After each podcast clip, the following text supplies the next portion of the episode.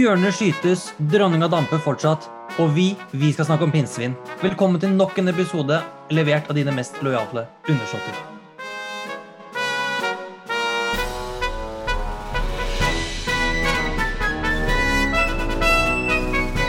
Ja, så er vi tilbake her. Undersåttene. Ole Jørgen. Ole Jørgen. Det er den perfekte duo. Det begynner å bli en stund siden nå, da, Jørgen. Vi, har jo, vi to har jo ikke sett hverandre på en stund, men podkasten har jo vært eh, virkelig levende. Ja, du har jo stått på som brask og bram. Jeg har eh, Jeg skal bare avsløre det for alle lyttere der ute. Jeg har både bytta jobb og fått meg leilighet. Så jeg har rett og slett ikke eh, gått opp med koordineringen, som det heter, i de siste ukene. Mens jeg sitter og fikler med en hobby, så blir du voksen. Jeg later som at jeg er voksen. Det er akkurat det det er. Og nå er vi der at uh, det blir nok bedre framover. Eget sted, kan spille inn når som helst. Null problem. Det blir nattpodkast, ikke sant. Det kommer til å bli livestream fra senga. Null problem. Det må vi egentlig få til en gang. Det hadde vært kjempefett. Sånn, liksom, det er et kongelig bryllup, og vi to ligger liksom under hver vår dyne og kommenterer. Absolutt. Det er det man gjør når det er bryllup. Da ligger man Ja. i senga. Eller du hadde ligget i senga, jeg hadde sittet med sånn smoking. Ja, kanskje du skulle servert noe middag og greier? Ja, det måtte vi fått til. Kanskje du skulle servert pinnsvin? Jo, det hadde jo passa seg, det. eh, Men det blir vel lite av det nå, nå som dronninga har gjort noen endringer på alle sine kongelige eiendommer. Ja, det her er jo Dette er virkelig dagens gladsak. Altså, det, det blir jo ikke mer sukkersøtt kongelig nytt. Altså, det er jo liksom bedre enn fromasj og marengs oppå det hele her, altså. Nei, nå har de også nå har de bestemt seg nesten, da. Altså på stort sett hele de kongelige eiendommer så skal de kutte ut elektriske gjerder for at pinnsvinene skal ha det bedre. Har du hørt noe så fantastisk, Ole Jørgen? Det er jo så bra. Det er sånn, du veit hva, vi har eh, dessverre ført flere pinnsvin til den elektriske stol i det siste, så vi skrur av gjerdene nå, vi. Det ligger jo kanskje en liten sånn i dette her at det har skjedd noen ulykker, eh, siden de nå på en måte preventivt går ut. Eh, men eh, det trenger vi ikke å fokusere på. Vi kan fokusere på at de rett og slett har tatt naturtiltak på de kongelige eiendommene. Og save the hedgehogs, også, som de sier der. Ja, ja, ja, det er Save Sonic. Det er jo noe med det. Det er rett og slett Sonic, altså. Eh, Dronninga har jo en eh, historie med, kall det ikke dyrevern, men dyr, da. Og i hvert fall det britiske kongehuset. Sånn den dyrehagen som var i Tower of London på sånn 1300- og 1400-tallet. Da hadde de jo en isbjørn fra Norge. Det var jo noe artig dyr. Ja, tenk deg det. Fikk ikke dem denne Nansen eller noe sånt? noe? Nei, nei, nei. Kanskje ikke det, Nansen, da. er- det er litt, litt for seint. Vi snakker nei, liksom kong Haakon den fjerde av Norge eller noe sånt, som sendte den til Edvard den tredje, mener jeg å huske sånn erindrer meg i hu. Dronningen er jo den eneste som Eller dronning Elisabeth eier alle svanene i Ja, England. som er på hmm? Det er ikke på Themsen, eller er det alle i hele England? Alle i hele liksom, Storbritannia. Ja, og så er det noen sånne delfingreier i Themsen. Hun har dem også, skjønner du. Ja, ja, ja. Og så er hun den eneste som har lov til å ha svaner i våpenskjoldet sitt. Det er ikke gærent. Nei, det er, eh, det er rart noe. Og da Eh. tenker jeg at eh, prinsesse Ingrid Alexandra, ja, altså all honnør til deg, hun har noen sånne flaggermuskasser oppå Skaugum, liksom, men det slår faktisk ikke dronning Elisabeth. Det gjør ikke det, vet du. Nei, det skal litt til før arveprinsessen av Norge slår monarken av Storbritannia. Ja, det håper Men eh, der hvor de nå liksom feter ut bestanden av av Herregud, nå står det stille. Av pinnsvin. Så eh, driver jo prins Charles og planlegger denne slankingen av monarkiet. Ja, det blir bypass. Det blir jo det, og nå har de jo da Det er kommet lekket litt om hvem det er som skal skjæres vekk i, eh, i denne slankingen. Og etter dronningens død så vil det da være prins Charles, som da konge, og hertuginnen av Cornwall, muligens som dronning. Eh, Ja, prinsess, eller Princess Corset, eller sånt noe. ja, noe sånt noe. Og så er det da The Princess Royal, Anne, eh, prins Edward, prins William og hertuginne Catherine. Det står Ja. ingenting om hertugparet av Sussex. Nei, dem er jo kutta ut, rett og slett. Og det, det som er litt interessant, er jo da Kommer deres status til å endres den dagen prins William blir konge? Ja, at han Det er jo, det er jo faktisk en sånn tradis tradisjon her hvor det er tenkelig. Absolutt. At bro, altså, men nå skal det sies at Charles også har kutta ut broren sin her, også, Bare sånn at det er nevnt. Ja, man han har jo, han har jo kutta ut den ene broren som ikke oppfører seg. Riktig. og som har ropt høyest om at han skal være kongelig i alle år, og at døtrene hans også skal få penger og tjoei, dem er jo bare kasta rett på sjøs. Og det er bra, det, da.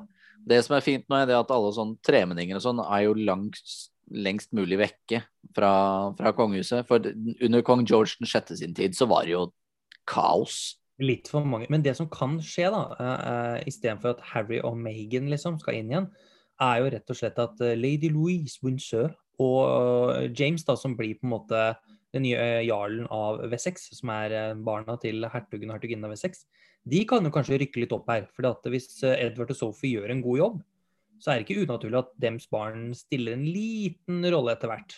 Er de Nei, og de er jo søskenbarn, og det blir jo det samme som med hertugen av Kent og hertugen av Gloucester. Ja, ja, ja, og prinsesse Alexandra, liksom, som er kusina ja. til dronninga, som fortsatt henger rundt der, liksom. Det er jo helt utrolig, men uh, dem står jo på.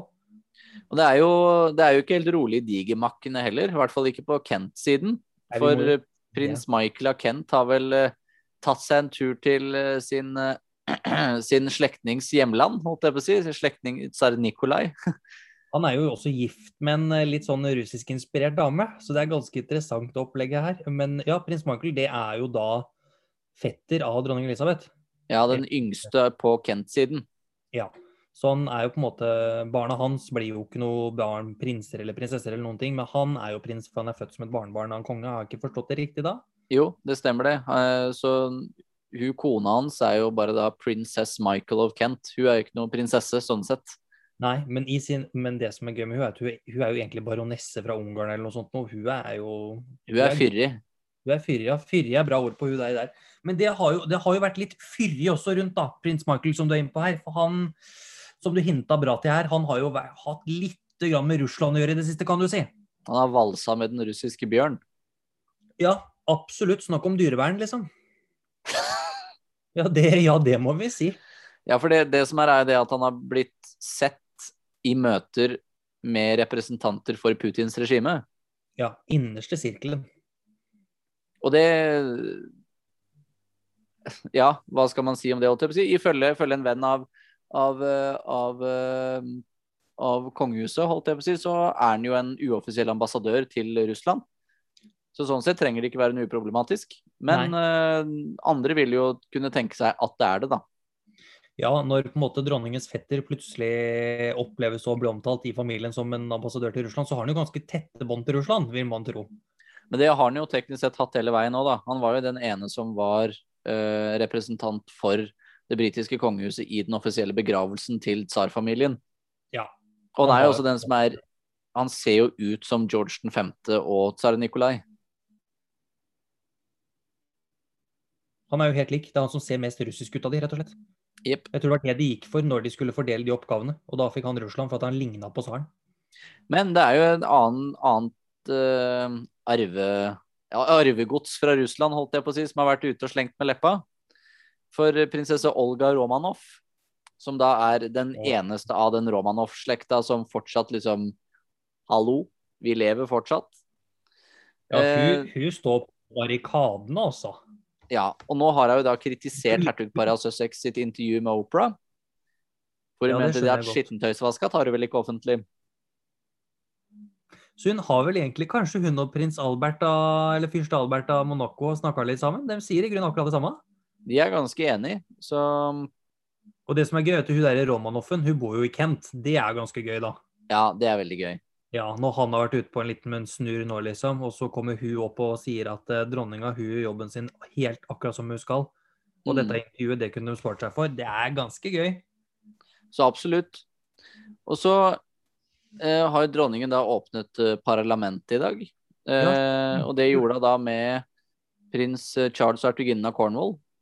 Og det er vel nå første gangen Eller ikke første gangen, men det er, det er en stund siden i hvert fall at hun har sittet alene oppå, oppå trondelen. For som ofte så har vi prins Charles da delt den stolen som prins Philip, hertugen av Edinburgh, hadde.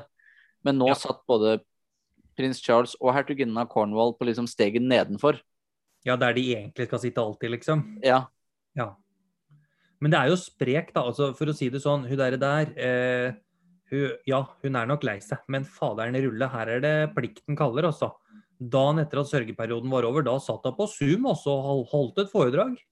Ja, altså, jeg, jeg tror det at kongelige har et helt annet forhold til døden enn det vi vanlige mennesker har, holdt jeg på å si. For det er jo, for dem så handler det bare om å fortsette. Uansett. Jobben, deres. jobben deres er jo å holde hjula i gang. Det, på en måte skjebnens ironi med et kongehus er det at den som er viktigst i et monarki, er jo arveprinsen. Ja. Det er jo Så, veldig så det at hun fortsetter å kalle det mm, keep moving on, er ikke så overraskende, egentlig. Nei, på ingen måter, men det er jo likevel Det, er, det krever sin dame, da. Og det krever sin mann, og det krever sin kongelige. Og liksom Selvfølgelig, det, det må jo være tungt, eh, men samtidig hun det er liksom Når du mister far i en alder av 26 år, ikke sant, og så tar over tronen Du har vært Det er sånn, det er nesten dødsfallet til mannen din gjennom 73 år er sånn Ja, ja. Det kom ikke så overraskende, nesten. ikke sant? Det, Det er ikke noe sjokk, det er det jo ikke. Nei, og for, for henne så, så blir det en sånn Sånn er livet, på en måte. Ja. Og nå Og det er en naturlig progresjon. monarkiet på en måte, i, I det store og det hele bildet, da, så er jo monarkiet noe mye større. Absolutt, og hun forstår jo det veldig godt. Og du så jo det når prins Henrik av Danmark, mannen til dronning Margrethe, gikk bort òg. Ja, hun har jo klart seg meget bra etterpå. Ja, ja, ja, selvfølgelig. Eh, og hun begynner jo å bli en aldrende dame, hun òg. Ja, hun gjør jo faktisk det. Og apropos dronning Margrethe. Hun eh, har vært på sitt damplokomotiv, antar vi. Antar vi, ja. Vi tror ikke at danske statsbaner har bytta ut den skorsteinen enda. De har iallfall satt fram askebeger. Det er veldig gøy at eh, ikke? den uh, eh, For det første så var jo innredninga rimelig retro. Eh, og så da på bordet så sto det jo et askebeger. Det her var jo en, hun, hun har jo fått en vogn i gave. Det er, det er en kongevogn til øh, danske statsbånder. Fikk jo denne gaven da hun ble 60, så det er jo fort liksom snart det er over 20 år siden. da. Og der står det også et askebeger i og formodentlig sølv også, altså. Det var ganske så flott. Ja, for hun var jo da på tur med sin søster prinsesse Benedicte. Ja, de skulle på øh, åpning av en øh, forsinket utstilling i forbindelse med 100-årsjubileet for øh, sammenslåingen av Danmark og Tyskland. Og en kunstutstilling de skulle åpne, som hadde hennes broderier og litt sånt utstilt. Så det var vel sammenslåingen av Danmark og Schleswig-Holstein, var det Ja. ikke det? Ikke, ikke Tyskland. liksom. Ja, ja. Ja, ja. Det er en del av Tyskland, da. Ikke hele Tyskland, det skal bemerkes hvis vi skal være så jævlig Ja, for det hørtes sånn Det er greit. Hun skulle stille ut noen broderier, og det har hun gjort. Og da hadde hun med seg søstera si, og på veien dit så tok de seg rett og slett en blås på det toget. Så det fikk jo Det gikk jo ikke helt upåaktet hen i danske medier, kan du si. Det var sikkert en Kongen av Danmark-sigar, tror jeg. Det Hvor gøy hadde ikke det Nei, det der, der Nei, det Jeg kan ikke tenke Du sitter med kongen av Danmark i kjeften, så det blir veldig rart, Ole Jørgen. Vi går videre. Eh, vi skal da til, eh, skal til skal holde- dro Skal vi ikke ja, dronningens barnebarn. Ja. Prins Christian. Han Henrik, skal Valdemar, John. Også litt av navn passer jeg ikke sammen i det hele tatt. Men det, man heter, Veldig dansk navn, da. Det skal sies. han skal ha for det. Det, det, det skal han ha. En sånn kjempegammel konge av Danmark heter jo Valdemar. Og Johan er jo også et sånt prinsenavn i, eh, ja, i John, Danmark. John da kommer fra faren til Princess Mary, ikke sant? Australia.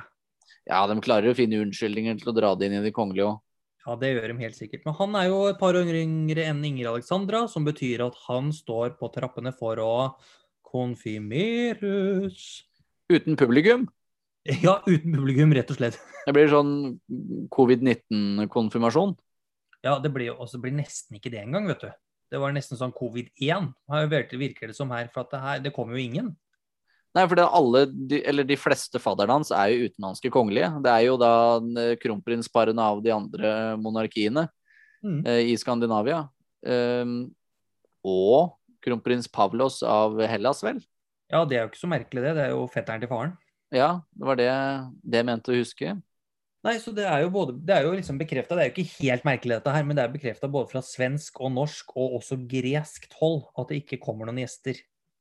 Det er jo forståelig, da, men det er litt trist. Det hadde vært en sånn fin, sånn samlende ting nå om dagen å se alle disse kongelige sammen igjen.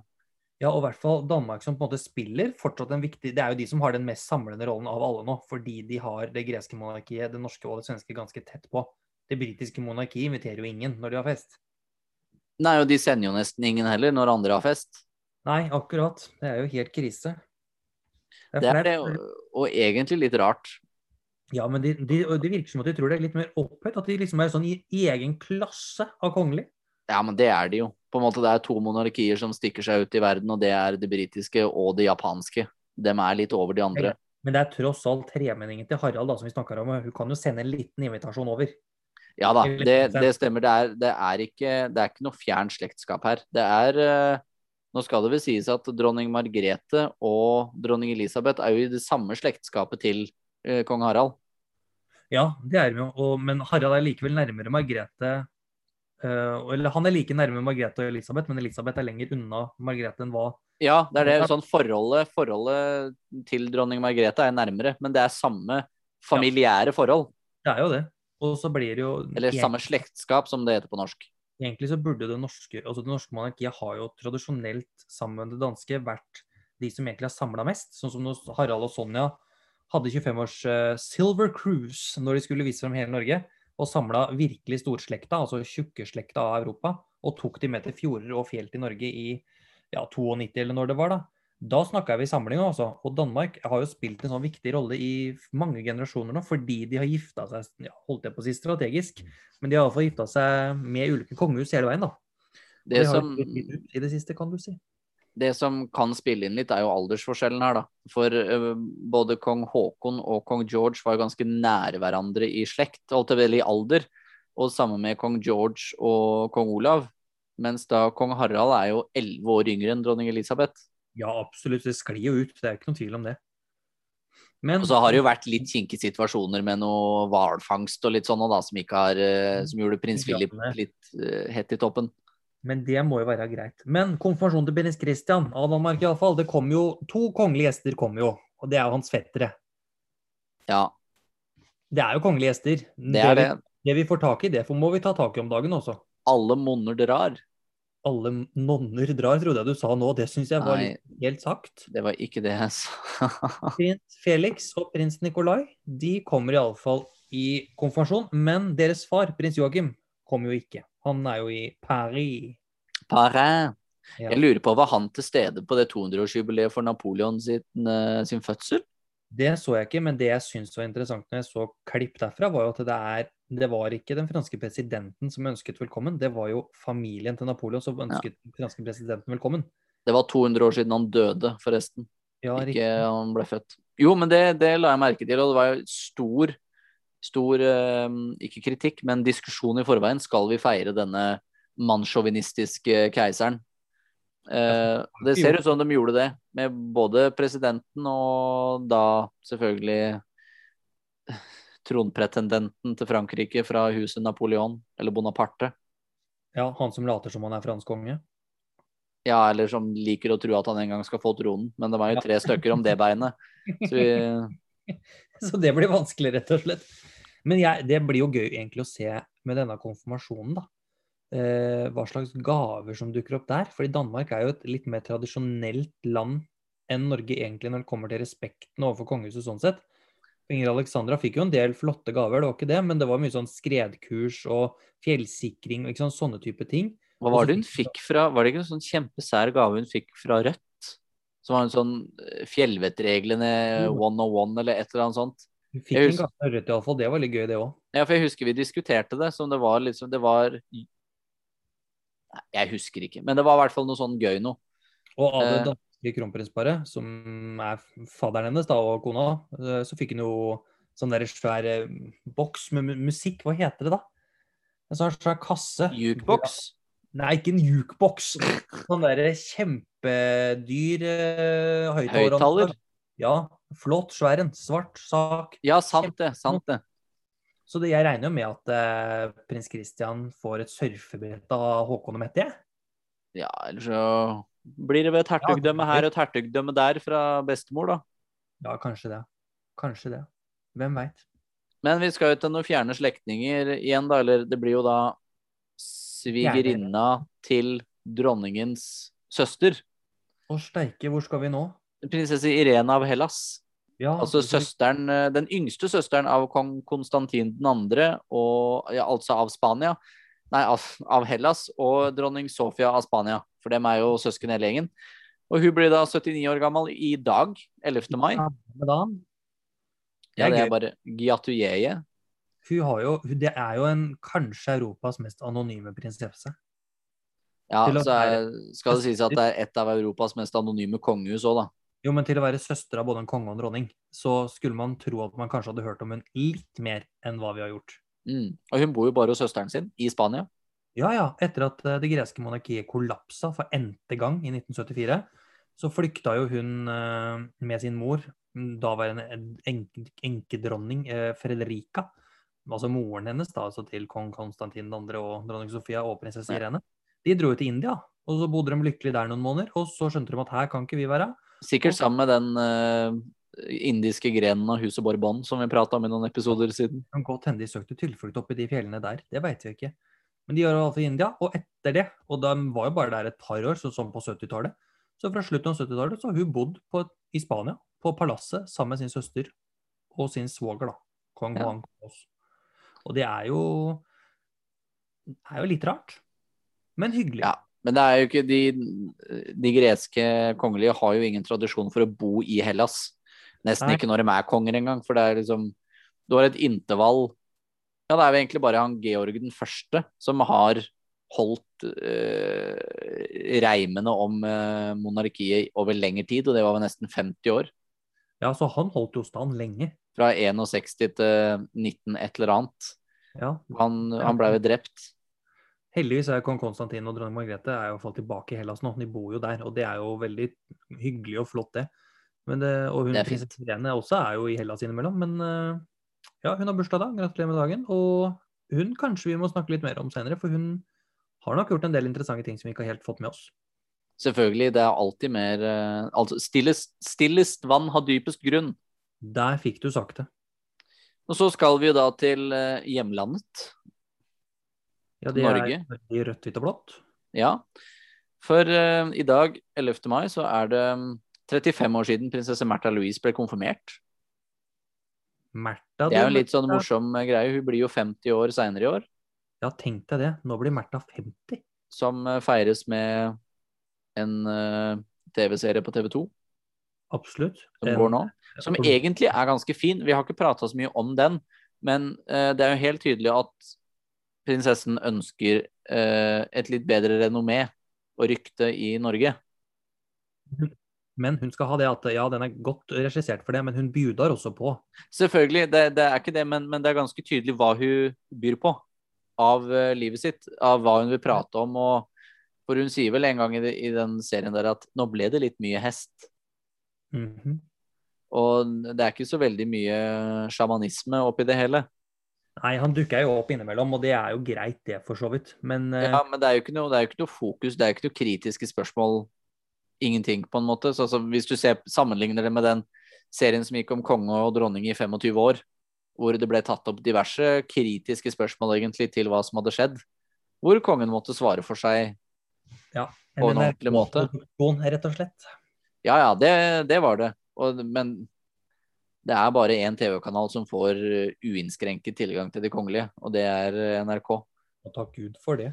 Ja, Men vi trenger ikke noen andre. Og, hun, og barna også har jo på en måte hatt en, har jo en rolle i serien, så vi blir jo litt bedre kjent med de. Så vi, vi blir jo bedre kjent med Märtha i alle fall, da, på noen områder. Og det er jo, jeg syns det er helt ålreit når hun fyller 50 år, at vi blir litt mer kjent med henne. Jeg syns det har vært et, et, eh, veldig fint program med en helt tydelig og klar eh, et helt tydelig og klart ønske om noe, men allikevel en veldig god, god serie.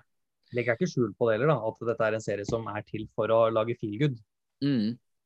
Så det jeg tenker det er greit. Men det er, tenk deg, nå blir hun 50. Altså Hadde dette vært et normalt år, så hadde det vært brask og bram på Slottet. Da hadde, Hadde Harald- det, med tanke på det sikkert dundra opp en liten middag for hun. Ja, det hadde det nok vært med noen kongelige gjester og sånn, men uh, ettersom hun kall det ikke er en del av kongehuset lenger, så hadde det vel ikke blitt det samme. Det hadde ikke blitt sånn veldig offisielt, men at de hadde hatt en fest, og vi hadde fått sett noen kongelige, både herrer og damer, det kunne ikke vært helt umulig. Det hadde nok vært fest, men uten galla. Det kan godt hende. Yes. Og så var det da 8. mai for tre dager siden, frigjøringsdagen og veterandagen, hvor det da bare var kronprinsen i sin person som kronprins, og ikke kronprinsregent, som la ned kransen eh, på minnesmerket på Akershus. Ja, riktig. Og det er besynderlig at kongen ikke var der. Eh, men han har jo fortsatt noen problemer med dette kneet sitt da, etter at han opererte det. Ja, det er noe opptreningsproblematikk. Ja, og det, det er jo forståelig når du er en, en aldrende mann og må operere kneet. Eh, så vi får jo bare håpe at Hans Majestet kommer sterkere tilbake. Ja da, og det er ikke lenge siden han var sterkt tilbake. Han gikk fra oss holdt om bord på Kongeskipet Norge for ikke så veldig mange dager siden også. Og det å komme seg opp den lemmen der, det er ikke bare bare, altså. Nei, det er en jobb å embarkere kongeskipet, og vi så jo den i Rex-faktor òg, ikke sant. Han er, han er sprek fortsatt til å være 84 år. Og så går han gærent og sånn. Det er sånn du det er, jeg, jeg, jeg, Nå skal jeg ta en sånn intern greie med oss to. Jeg sendte Ole Jørgen en, et lite klipp fra Instagram for ikke så lenge siden, og der var det Harald og Sonja. Og du trenger liksom ikke å kaste mer enn et halvt blikk før du ser han kommer vaggende gjennom Buckingham Palace, og så vet du at ja, det er den norske kongen. Så han har jo den naturstilen sin, og jeg tenker at det er bare fint. Men for guds skyld, få han opp. Vi må se kongen snart igjen. Jeg gleder meg til 17. mai. Ja, det gjør jeg, og det blir en spennende 17. mai i år å se hva de gjør. Jeg håper de kjører gjennom Krokstadelva i år, og ikke Oslo. Ja, du tror de tar Hvis det er ett sted de går for i år, så er det Krokstadelva, liksom? Det er faktisk nå Kong Harald og dronning Sonja var jo litt heldige med det at kommunene ble slått sammen. Hvis ikke så var faktisk Nedre Eiker kommune en av de få kommunene de mangler å har besøkt i løpet av sin regjeringstid. Muligheter for at de dukker opp. Nei, derfor har vi Drammen kommune, og der har de vært flere ganger. Ja, da er det bare dritt i det, ja. Oh yes. Eh, samtidig så er det jo i, nå i disse dager eh, fire år siden eh, feiringen av kongeparets 80-årsjubileum. Ja. Og der var jo vi, eh, der Jørgen. var vi sammen med et aldri så lite folkehav på Slottsplassen. Det var jo kjempegøy. Det var vel egentlig like etter vi fant ut at vi begge var interessert i kongelige. Ja, det var ganske så direkte etterpå, ja. Det, og det var jo, herregud, for en opplevelse. Eh, der også to enkle karer fra Utkant-Norge, ikke sant? Eller utkant, Bygde-Norge. Bygde-Norge. Ja, Iallfall Oslofjorden, da. Om ikke ja. annet. Står der på Slottsplassen, og, liksom, og de vi har fremfor oss, og da snakker jeg ikke mange meter, altså. Der står de og glitrer og i smokingen og det hele nystrøket hele gjengen. Hele Europas kongelige. Det var faktisk en representant fra samtlige av Europas kongehus. Jeg tenkte med, Vi kan jo eventuelt legge ut uh, bildet som uh, jeg tok den dagen, uh, som ble ufattelig nydelig, hvor du liksom ser dem stilt opp langs hele Slottsbalkongen. Og, og, jeg fant jo da en gjesteliste fra ikke den middagen, gallamiddagen som var den kvelden som vi sto utenfor Slottet og, og veiva, men fra cruiselunsjen dagen derpå inne på kongeskipet.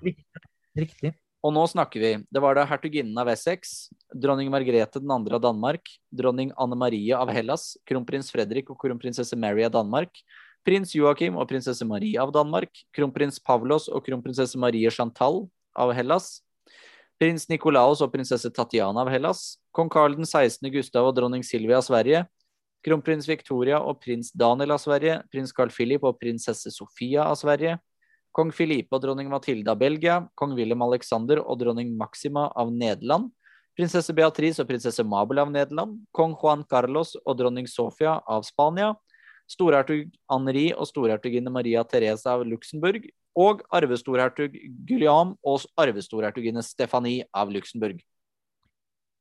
Altså, eneste som jeg faktisk savner på den lista der, det er fyrste Albert. En ja, god vi... norgesvenn som ikke var til stede. Savna noen monogasker. Men dette her er jo en kortstokk bestående av bare kongelige. Det er, og det er helt vilt. Altså, det er, og det her er vennene deres. Det er det verste. Absolutt. Dette er, dette er eh, venner og familie. Ja, det er ganske nær familie, mye av det der òg. Ja, men også der var vi, Ole og fikk med oss Gran Galla. Altså. Det er første, første gangen jeg følte jeg var med på noe historisk som er sånn Dette er lenge til skjer igjen. Ja, for det er det. Neste gang det skal skje, når er det? liksom? Forrige gangen var jo da 25 år i forveien, eller hva pokkeren det var. holdt jeg på å si, Eller da i 92, da, så var ja, 25 år. Det er mulig at det blir liksom grand Galla når Krompen og kronprinsessa fyller 50, liksom. Da kan de slå til med et ordentlig fest liksom, på Slottet, men det er fortsatt noen år til, på en måte, da. Stemmer. Og de, de fyller jo, kall det, de feirer jo 20 års bryllupsdag eh, i september i år. August. Det kunne jo August er det. Slutten av august. 28., er det det? Det er noe i den duren, iallfall. Ja, jeg har den uh, minneboka fra Det kongelige bryllup, så jeg kan vel sjekke en gang. Um, Vi kan jo håpe at Men det er jo ikke helt vanlig feil i 20-årsjubileum. Nei, det er vel i grunnen ikke det. Men uh, det hadde jo sikkert blitt uh, lagt merke til, i hvert fall sikkert av de nærmeste kongelige, på en eller annen måte. Ja, det kan jo. Det kan jo at de får til noe i august. Vi kan jo håpe at iallfall danskene og svenskene tar seg en liten tur og en liten middag på Skaugum. Det var ganske tydelig markering av tiårsjubileet for uh, bryllupet til hertuginne Catherine og prins William. Det var det òg, og de markerte jo tiårsbryllupsdagen til kronprinsessen og prins Daniel i Sverige. Jepp, så det er jo lov å håpe. Vi håper, vi krysser fingra for litt kongelig begivenhet, vi gjør det. Og så skal vi jo da til slutt til et litt avsidesliggende kongedømme, holdt jeg på å si. I hvert fall sånn uh, i vår kollektive bevissthet. Det er som jeg liker å kalle det, det er nær familie av den norske kongefamilien. Alt stammer fra den norske kongefamilien. Vi skal til firmenningen til prinsesse Ingrid Alexandra. Det er jo ikke halvgærent, det. Nei, det funker, det. Ja, jeg er med på den. De har jo da samme tippoldeforeldre. Ja, det trenger vi ikke akkurat å rippe opp i. Vi sier at det er nært beslekta. Og vi skal liten... Du er litt sånn som alle de britiske tabloidavisene som skriver 'A cousin of the queen', og så er det ja. sånn uh, Seksmenningen i sjuende grad. Ja, ja, for dem, det begrepet cousin, det bruker de litt her og der. Det er bredt. Vi skal til Liechtenstein. Eller vi skal jo faktisk ikke til Liechtenstein i det hele tatt. Vi skal jorda rundt på 80 dager, og vi skal til Romania. Ja, men det er jo da en prins av uh, arveprinsen av Liechtenstein som har vært, uh, vært ute med geværet, bokstavelig talt. Heldigvis ikke så gærent, Ole Jørgen. Det er nevøen til den regjerende statssjefen. Det er nevøen, ja. Ja, og han er litt langt uti òg, for han er ikke liksom førstenevø, han er sistenevø. Så han er liksom heldigvis en sånn derre 15.-mann, 16.-mann i rekka, og hvem som eventuelt kan overta. Det er jo like greit, for han har jo ikke akkurat skutt gullfuglen. Jeg tror ikke han har skutt seg oppover i posisjonslista, for å si det sånn, nei. Nei. det er snakk om å saga den greina du sitter på. Ja, men han har skutt, det har han. Og han har truffet. En bjørn. Europas største bjørn. En freda bjørn i Romania, stakkars lille trultefar, ble blei tatt av dage. De hadde fått lisens til å ta ei binne, altså ei hunnbjørn. En litt mindre enn, for å si det sånn. Men så har det jo vært eh, i flere år nå da, en sånn der intern greie i Europa at den som tar den største bjørn, det er han med størst, ja, du veit, gevær. Og da Sjansen bød seg, og prinsen av Liechtenstein klina til, rett og slett, altså. Ja, det er litt sånn kong, kong Harald vil ha OL-gull og Europas største bil. Ja, men det er jo, det er jo noe, det òg. Um, ehm, jeg, jeg, har liksom ikke så mye å kommentere. Tror han ja, mm? tror han har stoppa han litt? Har han skåret av huet og liksom hengt det opp på veggen? Er vi der? Nei, jeg tror han har fått en hel bjørnefell. Ja, han rett og slett laga fell. Han ja. kjøpte jo faktisk bjørnen før den var skutt. Ja, han gjorde jo faktisk det. Fordi du må jo ha fellingstillatelse, og den, den kosta vel sånn 60 000 kroner eller et eller annet sånt, så det var ikke noe billig bjørn. Ja, De er litt usikre på om akkurat han prinsen har for det er det jaktlaget nede i Romania. Det var jo de som hadde sikra seg den lisensen. Og han var jo med de på jakt, men de vet ikke om han har fått den. Så det er jo en del problematikk, eh, apropos dyrevern, som stiller seg opp her, for å si det sånn. Ja, det hadde prins Philip vært i live, hadde han tordnet. Det hadde han nok. Han var jo en dyreverner. Ja. Og jeg, også, jeg, jeg, tenker at uh, her må folk få lov til å tenke som de vil. Jeg tenker at uh, jeg syns det var hyggeligere at dronning Elisabeth skrudde av det elektriske jernet på pinnsvinna, enn at denne prins Josefen nede i Romania skjøt en bjørn. Men det er bare mine tanker, da. Syns de skal begynne å skyte dyr med løskrutt. Ja, jeg syns kanskje de skal slutte å skyte dyr, jeg, da. Ja, men hvis du skyter med løskrutt, så treffer du jo ikke. Det er jo ikke, noe, det, det er jo ikke skarpt. Skal skyte deg med løskrutt òg, skal du faen meg få det, Ole Jørgen? Jo takk, det er nå det òg. Noe er det i hvert fall. Ja, ja, det er helt sikkert og visst. Og med det så kan vi egentlig si eh, takk for følget, og så ses vi om et uh, par uker. Neste uke så kommer nest siste episode i rekken om uh, de russiske tsarene. Å steike! Det kan bli spennende. Det, og så etter der igjen så kommer jo da en episode av oss, og så siste episode som skal handle om um, om de russiske keiserinnene på 1700-tallet. Dra fram vodkagutta, her blir det farty. Yes, vi skal jo da gjennom det som blir kalt for um, statskuppenes tid i russisk historie. Og det her blir juicy. Så det er bare å glede seg. Og for dere som ikke har lyttet til de episodene enda, så må dere ta en titt på denne serien om de russiske herskerne. Ja, for du har faktisk fått med deg en ganske bra gjest. Jeg, jeg er altså så takknemlig til Halvor Kjønn. Han har da skrevet en bok som heter Det russiske imperiet, som jeg anbefaler alle historisk interesserte å lese. Og han har vært med meg nå i da seks episoder. Ja, seks episoder hvor vi har pratet om de russiske keiserne og tsarene fra Mikhail den første av huset Romanov til nå da Peter den store, og så skal vi helt opp til Katarina den store. Altså vi slutter like før Katarina den store, da. Med andre ord, her hos Undersåttene så får du alt hva du har lyst på. Russiske keiserinner eller pinser. Vi lyttes.